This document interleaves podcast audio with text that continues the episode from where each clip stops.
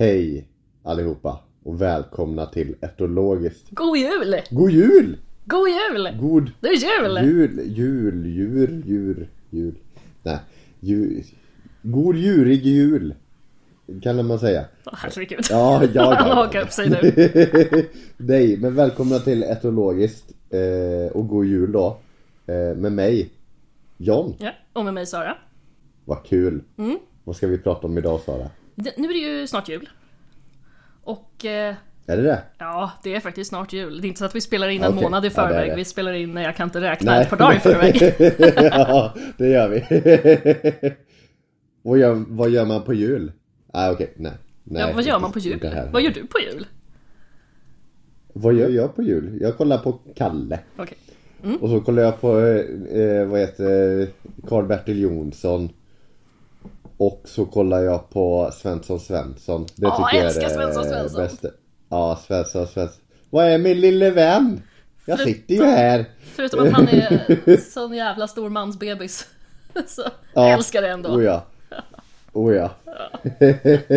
Nej, men eh, annars så eh, tar jag det bara lugnt med familjen och kompisar. Mm. Och ger iväg lite paket och sånt. Eh, fast tomten gör ju det såklart. Absolut. Vad, vad gör du på jul? Nej men det blir också att fira med, med familj nere i Stockholm. Jag ska Ja. åka ner. Kul! Ja. Och eh, vilket djur tänker man på när man tänker på tomten? När man tänker på tomten. Jag tänker jag vill inte säga jul för då säger man ju gris och julskinka och så. Ja, precis. När man inte tänker på, nej precis. Nej, Eh, vad kan det vara? Nissar? Det är inga ja det är djur. Eh, är det, är nissar djur? Jag vet, alltså människor är ju djur. Jag antar att nissar är djur då också. Men Nej. Nej. Men kan det vara de fyrbenta som lever uppåt landet? ja men det kan det vara. Tomtens renar. Ja, tomt... Åh. Vi ska prata renar. Ja, vad kul! På Och ett jätteroligt sätt. Hela avsnittet. på ett jätteroligt sätt. Eh, nej men vi kommer få reda på, Ja. nej vi kommer faktiskt inte få reda på varför Rudolfs mule är röd. Nej. Eh, det kommer vi inte få. Men, Nej, men då kan jag lämna avsnittet här nu då. Så kan du ja precis. få prata färdigt. Det var det enda, det var det enda du ville Det veta. var det enda jag Nej. ville veta. Nej. Men vi kommer absolut prata lite om Rudolfs röda mule. Det ska vi Ja. göra. Eh, vi ska i huvudsak fokusera på renen som djur. Mm. Eh, det är jättecoola djur med jättemycket evolutionära anpassningar för att leva kallt och, Ja. det är, och så himla Ja. söta. Oh, det finns ju en eh, speciell alltså, underart av renar som bor på Åh, jag vet inte var de bor. Jag kommer inte ihåg vilken ö. Svalbard. Svalbard. Ja, Svalbard. Tror jag Vi ska var. prata svalbardsren. Åh, kul! Ja, de är jättesöta. Men vad, vad visste du om svalbardsren mer än att de är söta? Nej, men de har lite extra anpassade för alltså, den konstanta kylan. Alltså, alltså eh, sina hovar. Mhm. Eh, kommer jag inte ihåg exakt vad det var nu, men deras päls också, att den är lite tjockare. Kommer jag ihåg. Nej men renen som djur. Eh, men om jag får bli bara lite tråkig och allvarlig och prata om lite avgränsningar vad vi inte ska Ja. prata om. Ja. Ja, så vi ska inte prata om att eh, renskötseln som näring är ganska ansträngd. Att Ja. de förlorar renbetesland, ofta natur som också är viktig för andra arter. Det är mycket faktiskt fortfarande gammelskog som försvinner. I Ja. det moderna kalhyggesskogsmissbruket vill jag vara en av de som säger. Eh, Att det är vandringsleder som har skurits av av vattenkraftverk, det är gruvdrift, det är vindkraftverk. Eh, Och man har sett i studier från SLU, av Skarin och Åman, att eh, tamrenar de uppvisar ett undvikande beteende på upp till 1,2 mil från mänsklig infrastruktur. Ja. Eh, Och att FN har bedömt att en tredjedel av norra Europas renbetesmarker är borta eller inte går att använda. Det ska vi inte prata om och vi ska okej. inte heller prata om Nej. att många forskare pratar om den här gröna omställningen som grön Ja. kolonialism idag. Ja. Och att de jämför det med hur man under andra världskriget exploaterade mycket renbetesmark, eh, vandringsleder, byggde vattenkraft för att kunna försörja tillverkningsindustrin och kriget egentligen. Ja, okej. Ja. Och att man då i eh, den gröna omställningens namn, att det måste gå fort med klimatomställning och så här. Ja. att det är en liknande process då. Ja. Och det finns ju lagförslag att eh, det ska bli snabbare miljöbedömningar och alltså, ja men det får vissa forskare att prata om, den gröna kolonialismen. Ja, precis, precis. Eh, och rovdjursstammarna har ju också ökat, Ja. så det är ytterligare en press. Ja. Så att alla de här kumulativa effekterna så är rennäringen ganska pressad. Jajamän, jajamän. Så kanske någon sitter och tänker då att men då, de kan väl vänja sig, det är ändå tama djur, typ. Ja, Eh, Typ. Det sitter ni och tänker nu. Ja. Det, ja. De kan väl gå runt och de kan väl klia baken på något vindkraftverk, det är inget problem. Där är det inte så mycket folk. Det finns forskning på det här också. Renarna undviker områden med vindkraftverk Ja. och det skapar merarbete för renskötare, svårare att hålla ihop. ja, Något som renskötarna har sagt själv länge, men som man också har visat i forskning. jajamän. Men det här är jobbigt och politiskt. Ja, Så det, det, vi släpper det där. Vi Ja. kan ha det ändå i, lite i bakhuvudet. Jag vill inte heller ha det osagt. nej, precis. För det var ju, Eh. om man kan prata om det, bara nämna det. Det var något i Norge nu. Det, det bor ju någon utanför, eh, eh, vad heter det, parlamentet eller regeringen där. För att protestera lite mot eh, vindkraftverk som inte eh, har byggts Mhm. eh, för eh, längre upp i Norge då. Det har jag missat. Som har sabbat Ja. Så det var lite intressant jag är inte förvånad. Nej, nej, nej. Men det lämnar vi där. Vi lämnar det där. Ja. Ja, annars blir det deppigt. Jag är inte sugen på gallusmedicin just nu faktiskt. Nej. Mot, nej, nej, nej. eh, Nu är det jul. Nu ska vi vara snälla och glada. Ja.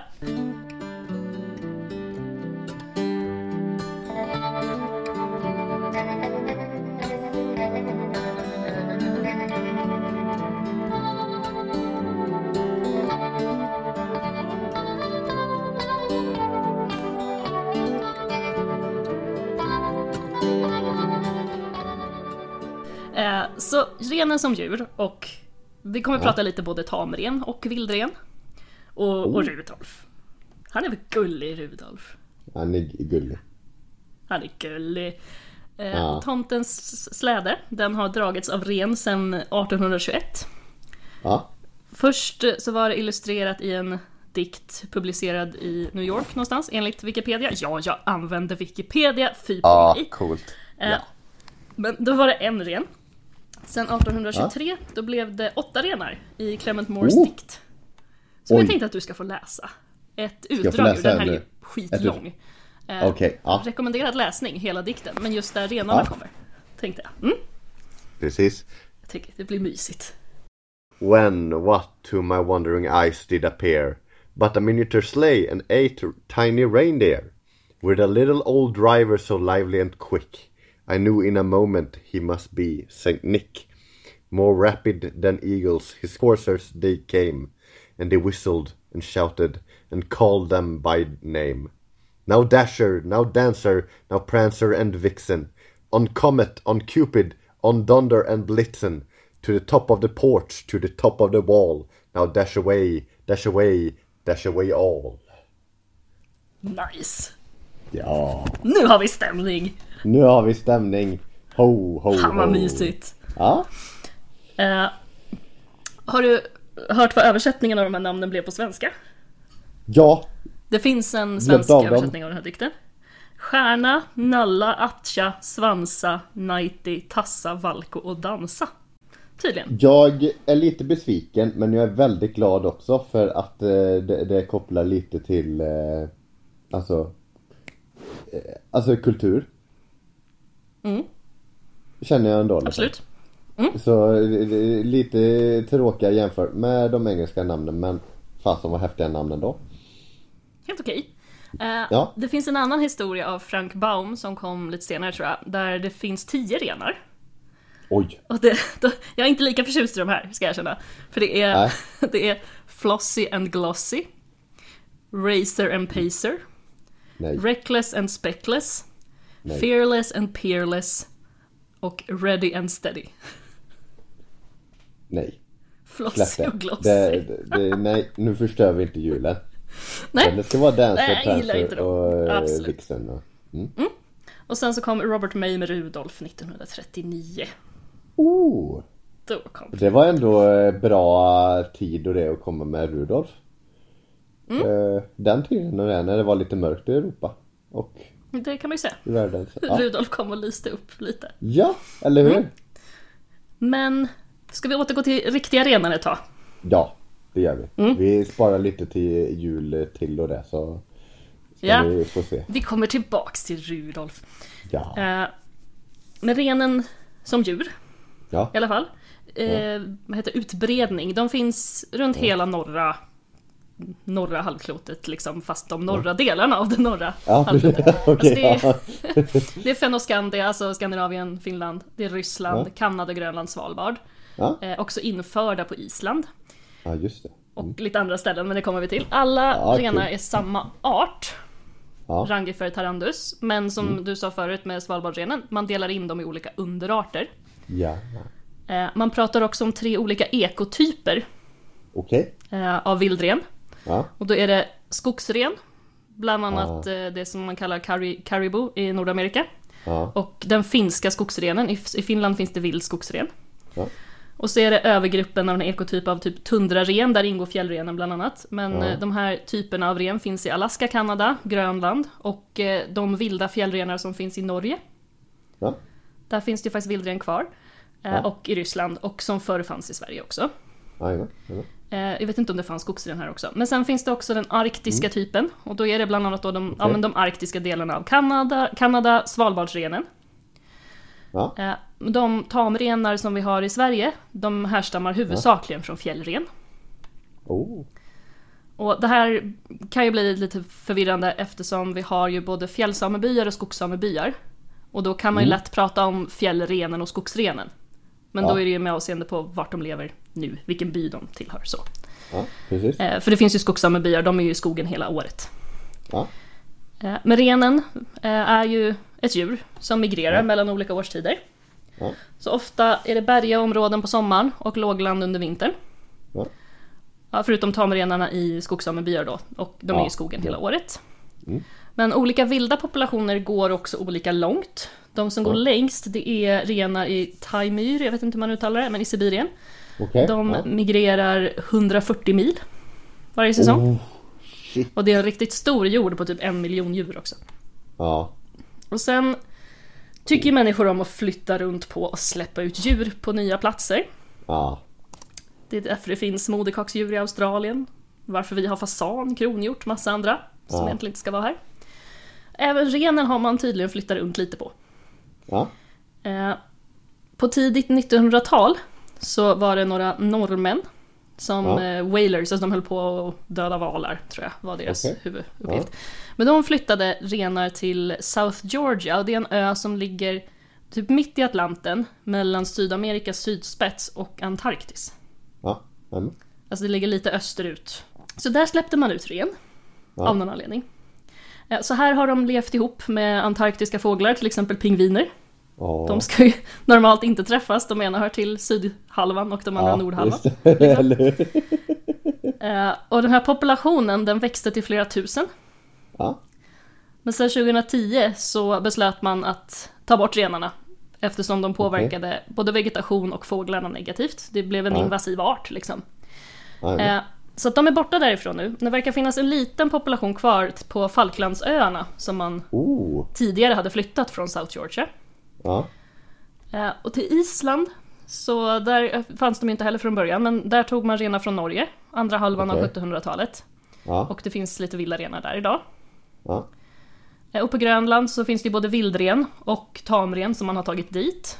Oh. Så de har ju också uppblandats lite, vilket man inte riktigt vet om det är ett problem. Men jag kan tänka mig att man brukar inte vilja blanda så mycket domesticerade djur med vilda djur.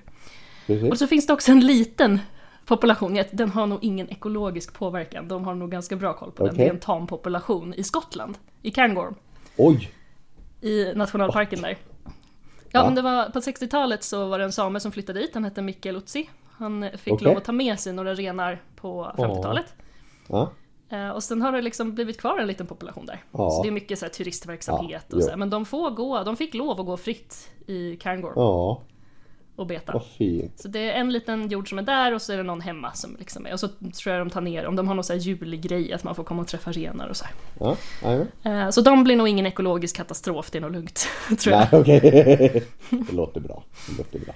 Eh, Men i Sverige finns det ingen vildren kvar. Nej. Den eh, sista sköts 1800, på 1870-talet. Ja. Så vi har bara, alla renar man ser i Sverige är tamren som tillhör någon. Det är Precis. inte lov som det var härom veckan i Norrbotten igen att någon hade stod och slaktade någon annans ren i sitt garage. Det är inte okej. Nej. Nej.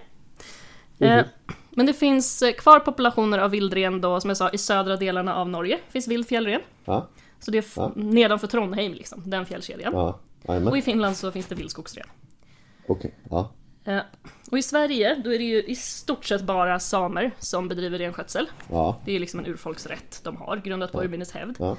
Eh, sen finns det ett litet undantag i koncessionssamebyar Mm. i typ Tornedalen, östra delen av Norrbotten.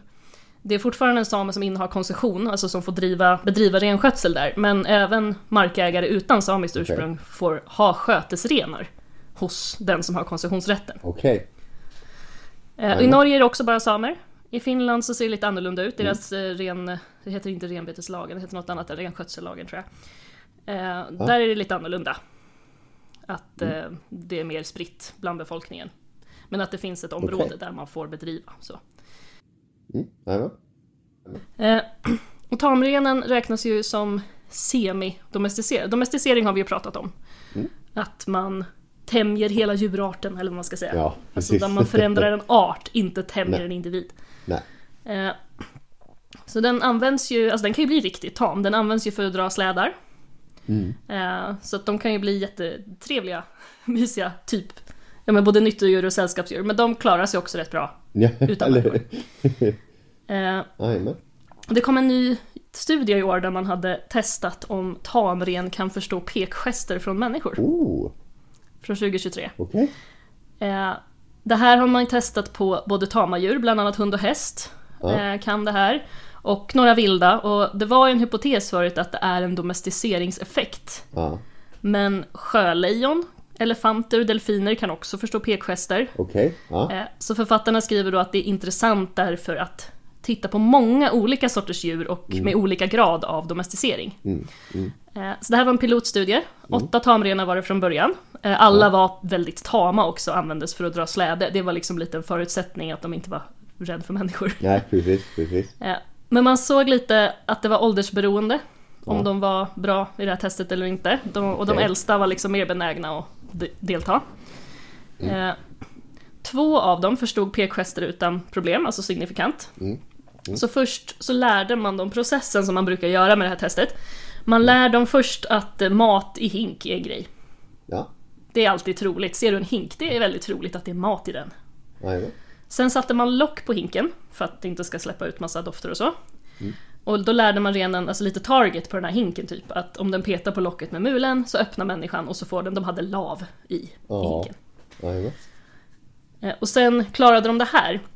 Om de tre gånger i följd hade visat att de petade på hinken, att de förstod att det var det de skulle göra, då fick de gå vidare.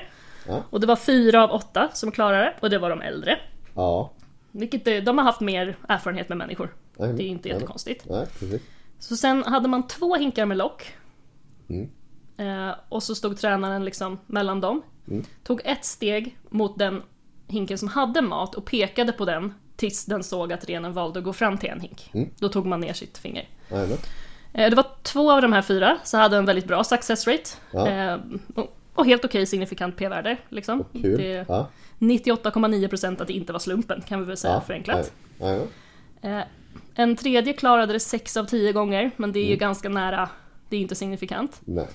Den fjärde undvek systematiskt rätt hink och gick till fel. Jag vet inte vad det betyder. Okej, band upp. Nej, Ja. kanske hade sämre inställning till människor, jag vet inte. Ja, Nej men det här var ju en pilotstudie, men det är ändå intressant. ja, eller hur? Jag tyckte det var kul att de hade gjort det. Jajamän. Men renen, den är ju ett bytesdjur för många rovdjur. Mm. Eh, I Sverige så är det björnar på våren när de vaknar och är pisshungriga. Ja. Och vaknar man upp då bland ett smörgåsbord av små kalvar Ja. så är det stor risk att det går You åt några. can't hold yourself. It's a buffet. Nej men, de är lite så. Eh, man har, men man har forskat på det här och det är väldigt olika från björn till björn och från år till år hur många kalvar de tar. Mm. Eh, och varg det förekommer ju bara sporadiskt i det som är renskötselområde i Sverige. Mm. Vargstammen är ju liksom, det är mellan Sverige och södra Sverige. Det finns i stort sett inga vargföryngringar i norra Sverige utan det är va- vargar som vandrar uppåt eller vargar som vandrar över från Finland och Ryssland. Och de vill man ju att de ska gå ner och förstärka vargstammen genetiskt Ja. i södra Sverige. De vill man bara Precis. att de ska helst smita omärkt förbi ner. Ja. Eh, Men om de börjar jaga ren så kan de ju ställa till väldigt stora skador. Ja. De har ju det här surplus killing beteendet, alltså att man dödar och river fler än vad man kan äta. Ja, just Det är lite samma fenomen som så här, ja, men framförallt när de kommer in i fårhage där djuren inte ens kan fly undan. Då kan de ju ha dödat alla. Räv i hönshus, samma sak, har slaktat allt ofta, mård också. Ja. Eh, Så det är ett ganska dumt beteende istället för att bara ta en, Ja. vandra vidare, Oh ja. chilla. Ja. Eh, Lodjur däremot är lite mer så att man tar en åt gången. Mm. Och sen tar man nästa. Och sen tar man nästa. Några dagar senare liksom. Mm. Eh, järv, den är framförallt asätare. Den, vill ju, den är ju lat. Den vill ju helst Ja. sno från andras kadaver. Precis. Ja. Men trots att den är Ja, trots att den är ett så ganska litet djur så den kan ta en ren, det är inga problem. Oh ja, nej. Så den jagar också. Jajamän. Eh, Och den är speciellt skicklig då om snöförhållandena är så att snön bär järven men inte renen. Ja. Järven har ju väldigt stora tassar och väger inte heller så mycket. Ja. Eh, Och även örnar kan anfalla framförallt Ja. kalvar. Lämlarna då? Om de äter ren? Nej. de kan inte attackera ren. Alltså lämlar kan ju vara skitarga men jag tror inte att de är så farliga. Nej, nej, jag, jag tänker det. Men det är ju för renarna, det är de rovdjuren vi har här. ja, Eh, För renen på Svalbard så ser det lite annorlunda ut. okej. Och de har man forskat lite på då för att se Finns det några skillnader i flyktbeteende mellan de här populationerna? Ja, Jag tror vi pratade lite om det i personlighetsavsnittet att rovdjurstryck kan ju, bero, kan ju liksom spela roll för vilken personlighet man utvecklar, hur modig man är och så här. Eh, Så på Svalbard, det, fjällräv kan ju ta små kalvar. ja, Men det finns ingen varg, ingen lo, ingen björn, alltså brunbjörn, ingen järv. Eh, ingen kungsörn. Men det förekommer ju isbjörn lite sporadiskt. mm. Renarna i de här områdena, de lever i mindre grupper Mm, än andra. Förmodligen för att det är lågt predatortryck. Då behöver man inte samla sig i lika stora grupper. nej, precis. Och man har sett då att de är inte fullt lika flyktbenägna heller som vilda fjällrenar i Norge har man jämfört med då. Det är ju dumt att jämföra domesticerat och vilt om det inte är det man är ut, ute efter att jämföra. Eh, Så fjällrenar i Norge och Svalbard har man jämfört. Mm, Man, de, det fanns en skillnad men den var inte jättestor. Det var forskarna, två norska forskare, Reimers och Efterstöll. ja, Eh, Och när de var ute och forskade på det här, det var det de skulle göra egentligen. Men eh, den studien jag hittade först, alltså gud jag, jag skrattade när jag hittade den. okej. Varför det? Eh, här norska forskarna, när de var ute och forskade på Svalbardren så såg de ett, eh, vid ett tillfälle en isbjörn förfölja en grupp renar. Eh, och man hade också en dag sett en liten renflock som betade på en barmarksfläck och eh, eller som betade på ett ställe och två dagar senare så var de borta och det var en isbjörn där istället. Oh, Ja, Och man hade ju redan samlat massa data för hur de reagerade på mänsklig närvaro. Det var ju det man skulle jämföra med de norska renarna. precis. Och sen sista veckan så tänkte man att man skulle försöka improvisera hur man kunde testa hur de reagerade på isbjörn jämfört med människa. Okej. Eh, och de improviserade ihop vad som skulle likna en björndräkt. Jag ska, vi får klippa lite, jag ska skicka en bild till dig. Ja. Okej. Ja. Så jag vet inte, Absolut. vi har inte rätt till den så vi kan väl inte publicera den. Eh, Nej, men ni får min real, real time... eh, Jag tänker att du ska få beskriva vad du ser på den här bilden. Okej. Eh, vänta, vi ska se. Eh, Där. eh, eh. Jag är taggad. Nu kommer den.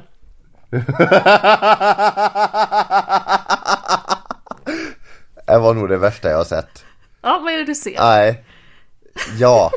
Tänk er eh, om ni har sett så här filmer där folk hamnar i olyckor och skadar hela sitt huvud. Så är det som de har bandagerat hela huvudet. Och så sen är det sån där tvångströjor som de har i så här eh, På sanatorier och sånt så är det tvångströja han har på sig. Det var och typ fast går han kan ut. röra sig. Ja han kan röra sig liksom med lite armar så liksom. Sen går han Alltså på stora landskapet lite hukad bara för att verka som en isbjörn. Men Ja, det roliga är precis. han har svarta byxor på sig också. Han har svarta shorts på sig. Ja, på baksidan, för de hade inte tillräckligt med vita kläder för att täcka hela eftersom det här var helt improviserat. Nej, okej. Ja, Så det renarna ser är bara vitt. Aha. Men det de bakom då ser när han går iväg så fanns det inte tillräckligt med vitt för att täcka allting. Så ja, på baksidan är han fortfarande lite mörk. Det... Ni kan... Forskare ni, Ni leker, kan bättre. alltså. dudes. My dudes. Bra Ja, det, finns inte så, det eh, finns inte så många ställen att gå och shoppa så mycket på i eh, Långerebyen tror jag. Heller. Nej. Nej men de har ju antagligen, eh, han har antagligen tagit på sig så här underställ. Är det? Så här vitt underställ är det. Antagligen. ja. Ja, så det här improviserade de ihop då. Det liknar ju inte en björn, men absolut. Nej. På avstånd kanske. Eh, nej men då ville de då säga, man har inte fått jaga ren i det här området sedan 1925. Så man trodde att Okej. de skulle reagera mer på isbjörnsmänniskan än på människa. Ja. Eh, och som du sa där, han ska också försöka gå framåtlutad lite mer som Ja, en isbjörn. precis. Men han går fortfarande på två ben. Ja, han kryper inte, det hade varit så kul. Nej. Ja. Eh, nej men och sen i sådana här studier, det man gör det är att man mäter vid vilket avstånd som djuren först blir uppmärksamma Ja. på människan eller, eller människobjörnen. Ja. Och sen vid vilket avstånd de flyr. Ja. Så ju snabbare, alltså ju längre avstånd de börjar titta eller fly ifrån, desto mer rädd är de ju. Precis. För ju närmare man kan komma, desto mindre rädd är de ju. Så flight initiation distance Ja. pratar man om. Ja. Eh, Och avståndet var längre för björnpersonen än för Ja, vanliga människor. Så de var Okej, mer rädda okej. för björnpersoner. ja. Eh, Men det var eftersom de bara hann med fem tillfällen med det här, för att det här var sista Ja. Mm. veckan de gjorde sin datainsamling, eh, så kunde man inte testa för signifikans. Nej, för om jag hade sett honom eh, så hade jag också Du blivit hade rädd. också... Jag med. Because uh, ain't gonna go near that shit. Och man säger också att det kan bero på kontrasten. Det var ju sommar, så att det är ingen snö. Ja. Så att vit klädsel står ut mer, de kanske ser honom snabbare. Ja. Men det man egentligen har testat är ju inte hur renar reagerar på en isbjörn, utan en person i vit balaklava och vita kläder. ja, precis. Ja, det är ännu mer än balaklava, det är ju till och med Ja. bara ögon som liksom, Eh, och ja. näsa. precis. Typ bandagerat huvud. Ja, som går hukad liksom. Men det är ändå en ganska kul studie.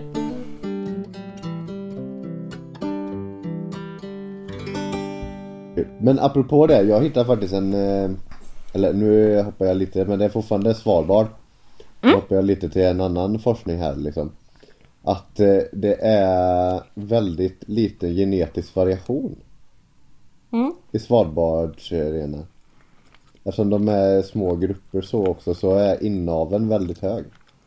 Okej. Logiskt.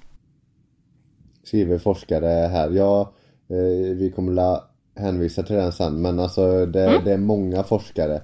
Alltså första forskaren är Dusex och Törresen. Bland annat. Eh, eller ett all då blir det. Vad hette han sa du? Ja, Dusex. Eller ja. ja. Okej. Mm. Det hette han. Ja, ja, ja. Behave. Nej, men eh, ja, så det var lite, och så lite adaption. Jag, de skriver inte exakt hur mycket, det, hela forskningen heter Adaptation to the High Arctic Island Environment, environment despite long-term reduced genetic variation in Svalbard reindeer.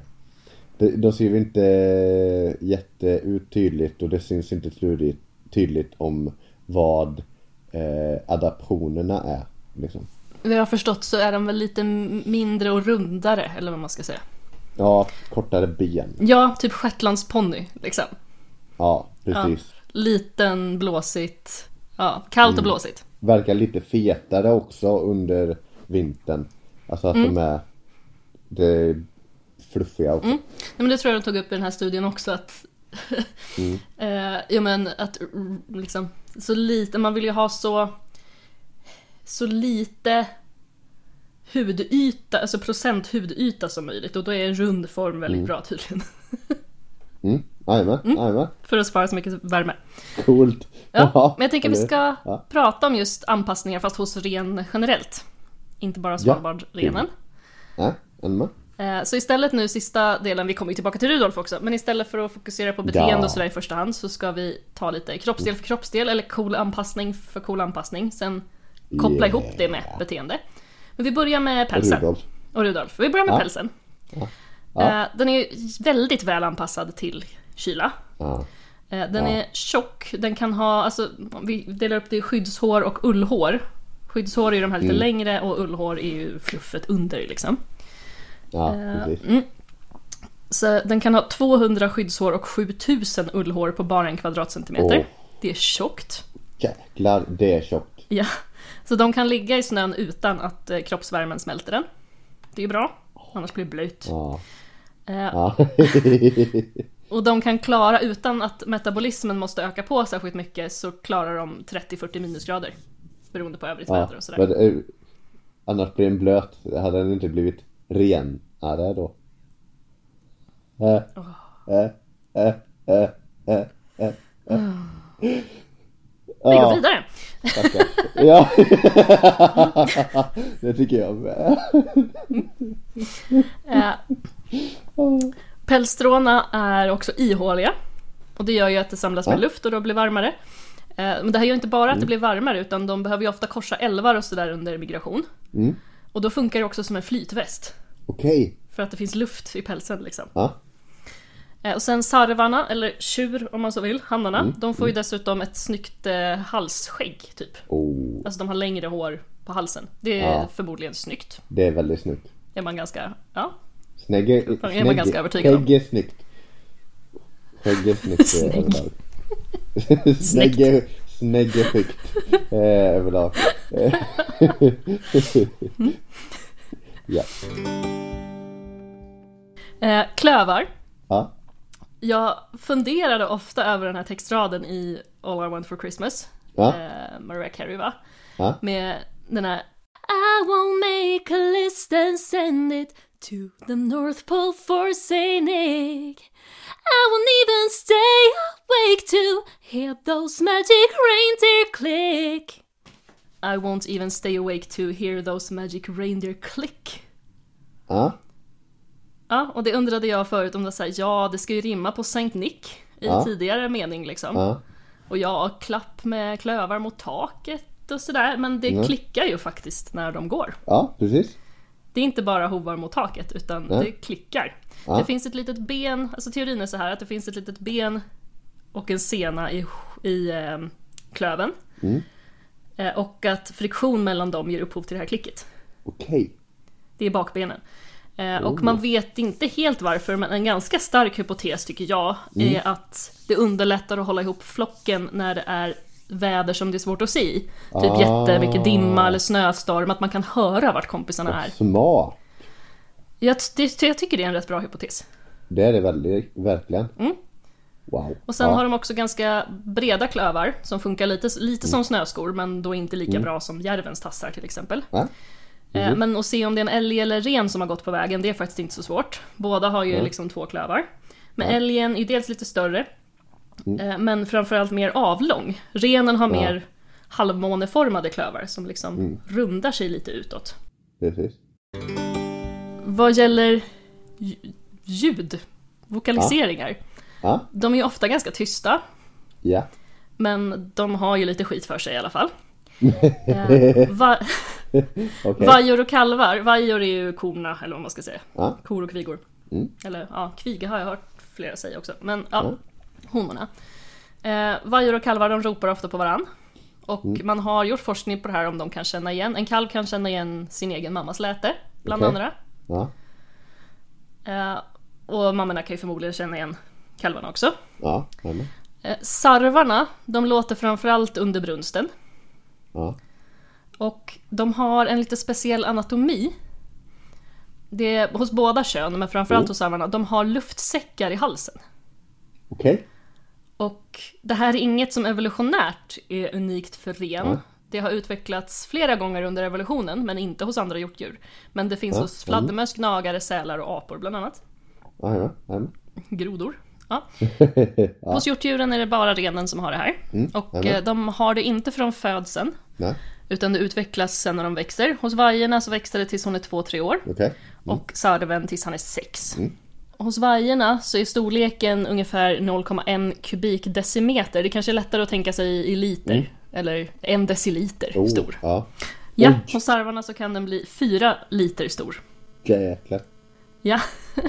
Och då sticker den Oh. ut ventralt, alltså på ena eller andra sidan halsen. Ja. Alltså under muskler och hud och sådär. Det är inte som, eh, inte som på en sån här groda som blåser upp en ballong. Ja, just det. Eh, eller en sån där typ hooded seal som har den här stora röda ballongen. Nej. Eh, utan det, man, det, det syns inte så. Alltså halsen blåses upp Coolt. liksom. Ja, och sen så ställer de sig i en, i en sån kroppsposition när man gör det här brunstljudet. Mm. Eh, huvud, lacke, nacke lågt ner, halsen utsträckt. Du, Ja, ska vi se, vart la jag min jobbtelefon? Du ska få höra ljudet. Jag tänker att jag klipper in det sen. Jag har spelat in. nu är det live-reaktion på ljudet. Ja, ja. Spännande ljud. Ja, Hörde du? Mm. Väldigt dovt. Ja. Mm. Eh, ungefär så. Jag vet inte, det här var en ren som under renskiljning gick utanför och var lite upprörd över att hans damer var där inne. Eh, så jag tänker mig att brunsten är ännu mer så. Det här, det här, Ja. ja. Precis. Men ungefärligt i alla fall. Ja. Mm. Eh, Och när de gör det här, så, de, så hela halsen blir liksom utspänd och så har de ju det här extra eh, halsskägget. Ja, Som gör att när de spänner ut det här så uppstår också en visuell effekt med svällande nacke och det här håret som sprider sig liksom. ja. Så att förmodligen så är det också snyggt. Ja. Coolt. Så det är kommunikation både till, både till andra sarvar och vajor. Att eh, jag är snygg och stor och stark och så. Eh, och forskarna tror evolutionärt att den här säcken kan ha börjat, att det från början hänger ihop med igenkänning med lite olika storlekar och så här. Och det har man ju visat på kalvar och Ja, vajor. precis. Eh, och sen att det genom sexuell selektion helt enkelt har blivit större för sarvarna. Jajamän. För att det är snyggt och sexigt. Eh, och på andra hjortdjur så har man ju sett att kvaliteten, eller vad man ska säga, frekvens och så på eh, det här ljudet hänger ihop Mm. med storlek på avsändaren, alltså han som gör ljudet. Ja. Så det vill man kolla om de gjorde på ren också. Eh, man såg Ja. att man kunde avgöra ålder, men inte avgöra kroppsvikt. Nej. Som Nej. på andra hjortdjur. Nej, precis. Så vi går vidare till hornen. Jo, De är ju coola. ja. Eh, hjortdjur, alltså alla hjortdjur, de tappar ju sina horn Mm. varje år. Så det är waste of resources, men ja, alltså så stora som de kan Ja. bli och så bara, nej jag gör nya Ja, nästa år. precis. Eh, men, Vaska lite gör de. Ja. Ja. Nej men då till skillnad från vad man kallar slidhornsdjur som kor och Mm. getter. Där har de ju blod och grejer, alltså vävnad i hornen. Precis. Men hjortdjuren har ju istället hud utanpå Ja. som transporterar alla byggstenar och sådär som behövs för att bygga vidare. Jajamän. Så kor tappar ju inte sina horn. Liksom. Precis. Eh, men vi kallar båda för horn. På engelska är det ju tydligare, då är det ju horn för det som korna har och antlers för det som Ja, hjortdjuren har. Precis. Men det är lite som apes och monkeys, vi bara kallar allt för Ja, apes, precis. eller vi kallar allt för apor Ja. bara. ja. Nej men och hos renarna så är det ju både sarvar och vajor som har horn. Ja, Så är det ju inte bland många andra hjortdjur, till exempel rådjur. Du har, det, är ju, det är ju inte en hona som har horn liksom. nej.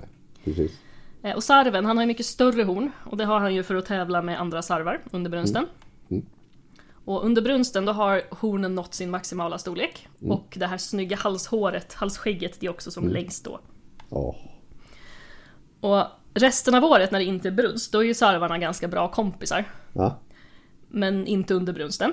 okej. Då vill ju sarven skapa sig ett harem Ja. Mm. av honor som han försvarar från andra sarvar. Och då gör han ju också det här ljudet och han pissar också ner sina egna ben. Åh. Det är nice, så han ska lukta. De får ett särskilt luktämne i urinen den här tiden. Ja. Så att det känns på långt avstånd och så här. Mm, han går där och luktar och flåsar och Mysigt. allt vad han gör. Mm. Sen när brunsten är över, sarvarna Mm. tappar hornen. Vajorna däremot, de har hornen kvar. Mm. Så, så fort sarven har tappat hornen, då är han ju dels inte snygg längre. Ja, okej. Och eh, hon har ju ingen längre liksom, någon användning, det finns ju ingen anledning att respektera honom då. Liksom. Ja? Eh, och både vajorna och årskalvarna, alltså kalvar som föds på våren, de börjar ju få horn redan Mm. under sommaren. Eller hur? Så både vajor och årskalvar kan ju ganska lätt köra bort sarvar från mat. Ja, jajamän. det kommer ju snö där någon gång i slutet på, mitten, slutet på oktober. Ja, just det. Ja. Eh, och renarna gräver ju fram under vegetationen, under Ja. snön. Ja. Så en sarv som har stått och lagt tid och energi på en grop, han kan lätt bli undanjagad av en vaja då. ja, eller hur? Ja. Eh, Så vid den här tiden så kan sarvarna också bilda typ bachelor groups för Oh. att få vara i fred.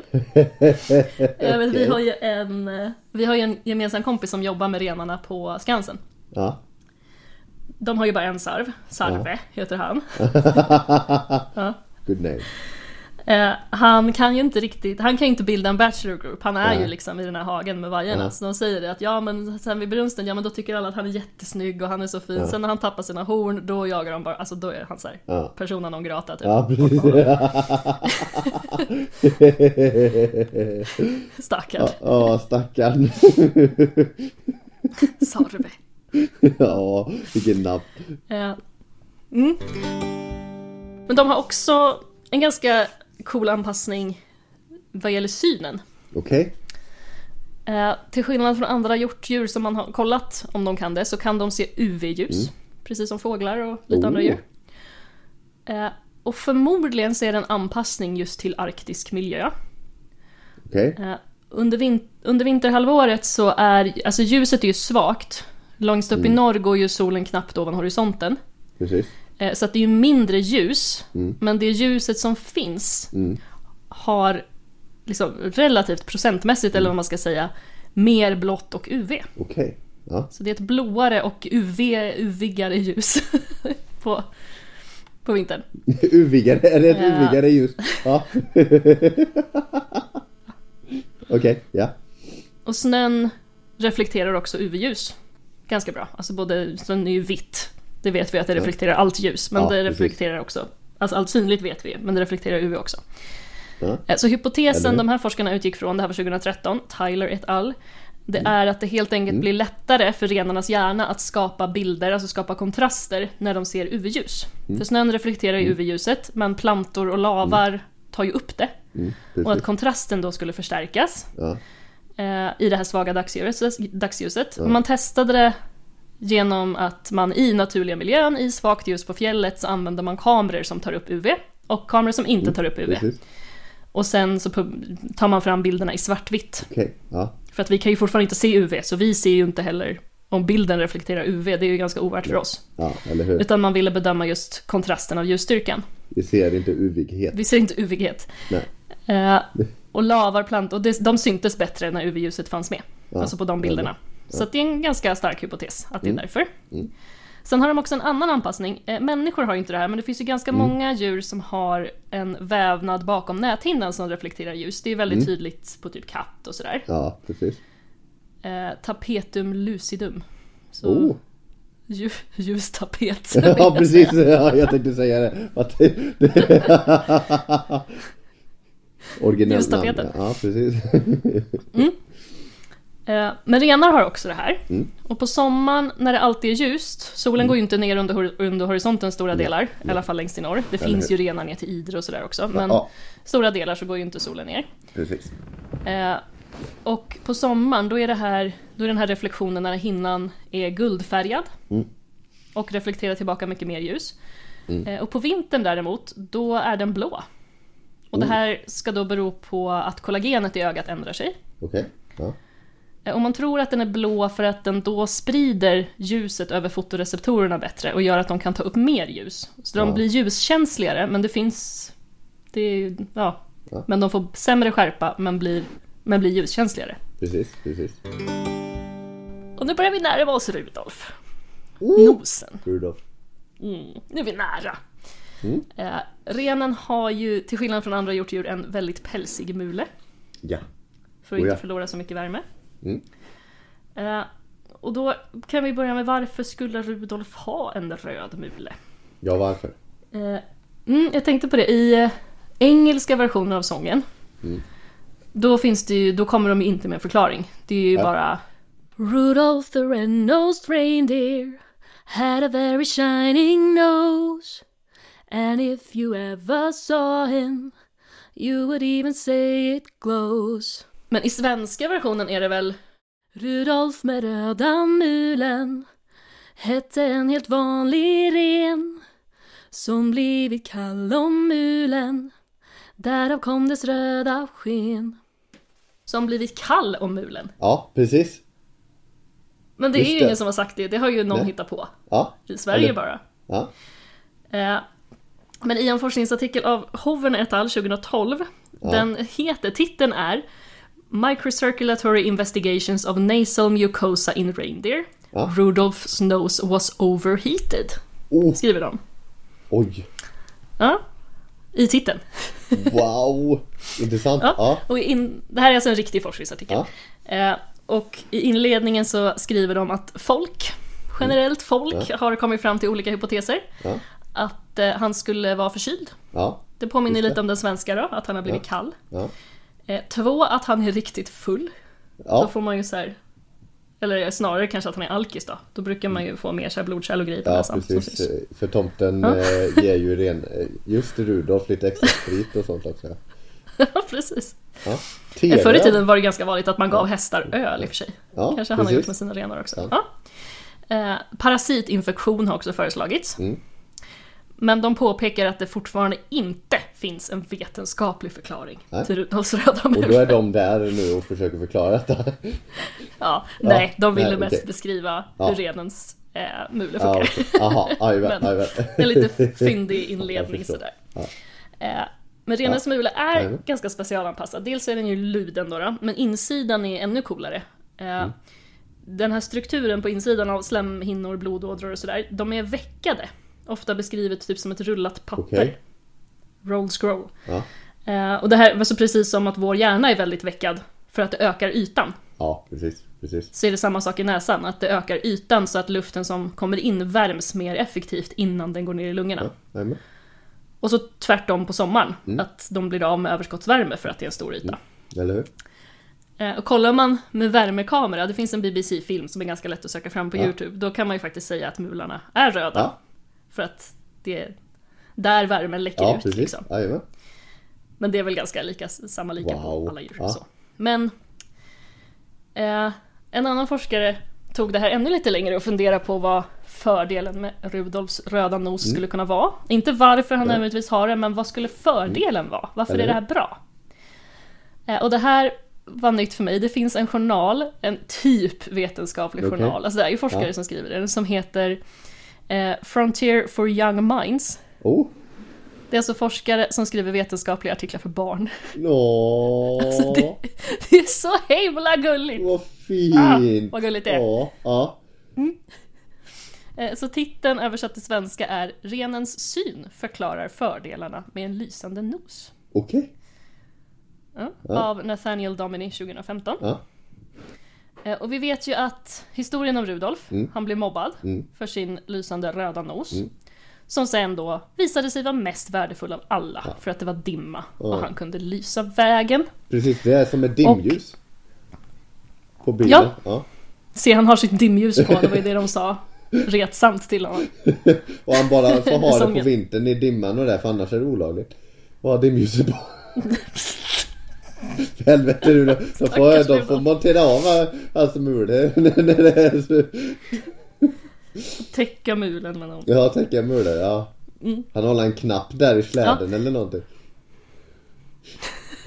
Stackars Rudolf.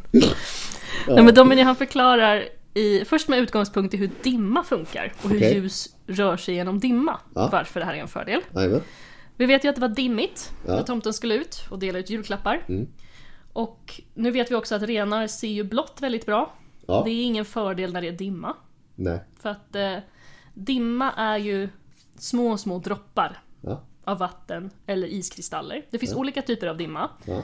Men den här forskaren menar att eh, det var ju riktigt tjock dimma och med tiden på året och sådär så säger han att det antingen är strålningsdimma Ja. Och det bildas när marken kyls av och då kyls även luften av och den kan då hålla mindre vattenånga. Och då bildas det droppar i luften. Mm. Det kan också ha varit isdimma. Och det bildas om det är minus 20 eller lägre. Och då är det istället små droppar av kristall som hänger i luft- i luften. Eh, och av de- ljus vi kan se, och UV, men blått och UV det är ju kortast. Ja. Och det är ju renar, fåglar, lite andra som kan se UV, det kan ju inte vi. Men det är ännu kortare än blått. Rött är ju längst. Och infrarött som vissa djur kan se, det är ju ännu längre. Ja, precis. Eh, Men eftersom rött ljus då har, våg, har en längre våglängd kan den också enklare färdas genom dimman. Och då är det rött som kommer synas bäst. Okej. Och så funderar han också på hur röd Rudolfs nos är. Ja. Eh, Och det finns en version av sagan som är skriven av Barbara Hazen och då så beskriver de tydligen att eh, han försöker gömma sig bland järneksbär. Okej. Så att hans nos ska smälta in bland järneksbären. Åh fasen. Eh, Och då skulle våglängden vara pika ungefär vid 700 nanometer och det är tydligen väldigt rött. Ja. Jajamän. Så en lysande riktigt röd nos. Ja. Som ett järneksbär. Det skulle troligen vara väldigt bra i Coolt. dimman Ja. med den våglängden. Jajamän. Så Dominy han menar också att det finns lite nackdelar med Rudolfs nos. Eh, de har ju det här komplexa systemet med blodkärl och sådär och den Ja, är redan ganska varm. Mm. Och Rudolfs lysande nos då, som inte heller verkar vara skyddad av päls, för då hade det inte lyst så mycket. Nej, precis. Det kommer göra att han tappar mer värme än Okej. de andra renarna. Ja. Mm, så det är en nackdel. Ja. Så han säger då att för att Rudolf inte ska drabbas av hypotermi Mm. så är det jätteviktigt när det är så här kallt Ja. om, att, att när tomten kommer så ska barnen ge Rudolf extra kaloririk mat Ja. för att hjälpa honom behålla Ja. kroppsvärmen. ja, det lät jättebra. Ja. Ja. ja, alltså det var så gulligt det här. Fint. Ja. Lyssna nu bara. Det är, ja. det är min favorit eh, Ja. vetenskapliga artikel jag Ja. hittat tror jag. Men det är så- viktigt att föra vidare. Ge en kaloririk mat i så fall. Om ni hittar eh, eh, när tomten kommer och renarna kommer. Precis. Ja. Det var det vi hann med idag tror jag. Oh! Men jag vill ju veta mer. Jag vill ha mer Mm. Vill du ren. veta mer om Rudolf? Ja! Och Prancer och Vixen och... Allihop. Ja, det kan vi väl säga att eh, vi sa ju att sarvarna tappar ju sina horn efter brunsten. Mm. Tomtens renar har horn. Wow! Vajor. Allihop. Shit! Det är sant. Det kanske är därför Rudolf är extra mobbad. Ja, Fast nu är han alltid avbildad som att han har horn också. ja precis. Men, men han, kan, om alla andra är vajor och så kommer han där, har tappat sina horn Ja. och har en stor röd lysande mule. De bara nej fy fan vad ful han är. What? Så kanske Det inte bara är mulen. Så, ja. Det, och jag har hört detta för ett tag sedan också liksom. Men det, alltså, det är jäkla häftigt. Att alla tomtescener är vajor. Nu är jag taggad på att få paket Ja, av tomten. av tomten. Och träffa renar. Och det, jag måste koppla lite till det. Vi har ju eh, julmarknad här i Borås och det. Och då när jag gick på gymnasiet så hade vi en eh, jättehärlig eh, biologilärare eller naturvetenskapslärare i alla fall. Jag kommer inte ihåg om det var biologi eller kemi. eh, Som heter Lennart och vi alla älskade Lennart. Så att säga. Och så kommer vi ner till eh, när han slutade sen då och gick vidare till en annan arbetsplats. Så eh, gick vi ner till stan när det var julmarknad och så hittade vi en ren som hette Lennart. Det var jättemysigt. Ja. Ja. Så vi saknade Lennart. Ja. Jag, vet inte, jag tror vi har pratat om de här någon gång, men kanske inte i ett avsnitt, utan kanske bara när vi pratade. Ja. Att eh, i hela världen så är det ju inte bara renar som drar tomtens läder. Nej, just det. Utan i Australien så Är är det ju kängurus. Ja, just det. Mm. det är coolt. Six white boomers Ja, kallar man dem för. just det. Men detta har vi pratat om verkligen. Det måste Mm. ju vara ett avsnitt. Ja. Men jag är osäker på om det var avsnitt eller om vi bara satt och snackade Ja, skit. det är boomers. Eh. Att det är äldre än... eh, Six white boomers. Ja, boomers. Jag ser fram, precis, jag ser framför mig Vita. sex Äldre. äldre vita människor. Ja, precis. ja, Men har nej. man inte sökt upp den på Youtube, det finns en jätterolig sång, så tycker jag man ska göra det också. Ja, Men de har också roligt. namn. Det är Jackaroo, Curly, Bluey, Two Up, Desert Head och Snow. Ja, I alla fall, och Snow också. Ja. Vad fint. tydligen. Nej men, det, Ja, nej men det... nu har vi pratat om jul och renar. Och detta avslutar Mm. året ändå, tycker jag. Det tycker jag. Efter vårt uppehåll och så avslutar året. För nästa avsnitt efter Får vi se. årsskiftet får vi se. januari kommer väl nästa avsnitt. Ja, vi börjar med januari. Nästa Yes. avsnitt. Se vad som händer då. Och ni vet vad ni ska göra. Ta det renlugnt. Nej, men sluta, det här får inte Eh, bli en nej, grej. kolugnt. Okej, jo, jo, jo. Det här får bli en grej. Vi måste ju anpassa efter jul. Var... Nej, det måste vi Kolugnt. verkligen inte. Ha det bra. Tack för oss.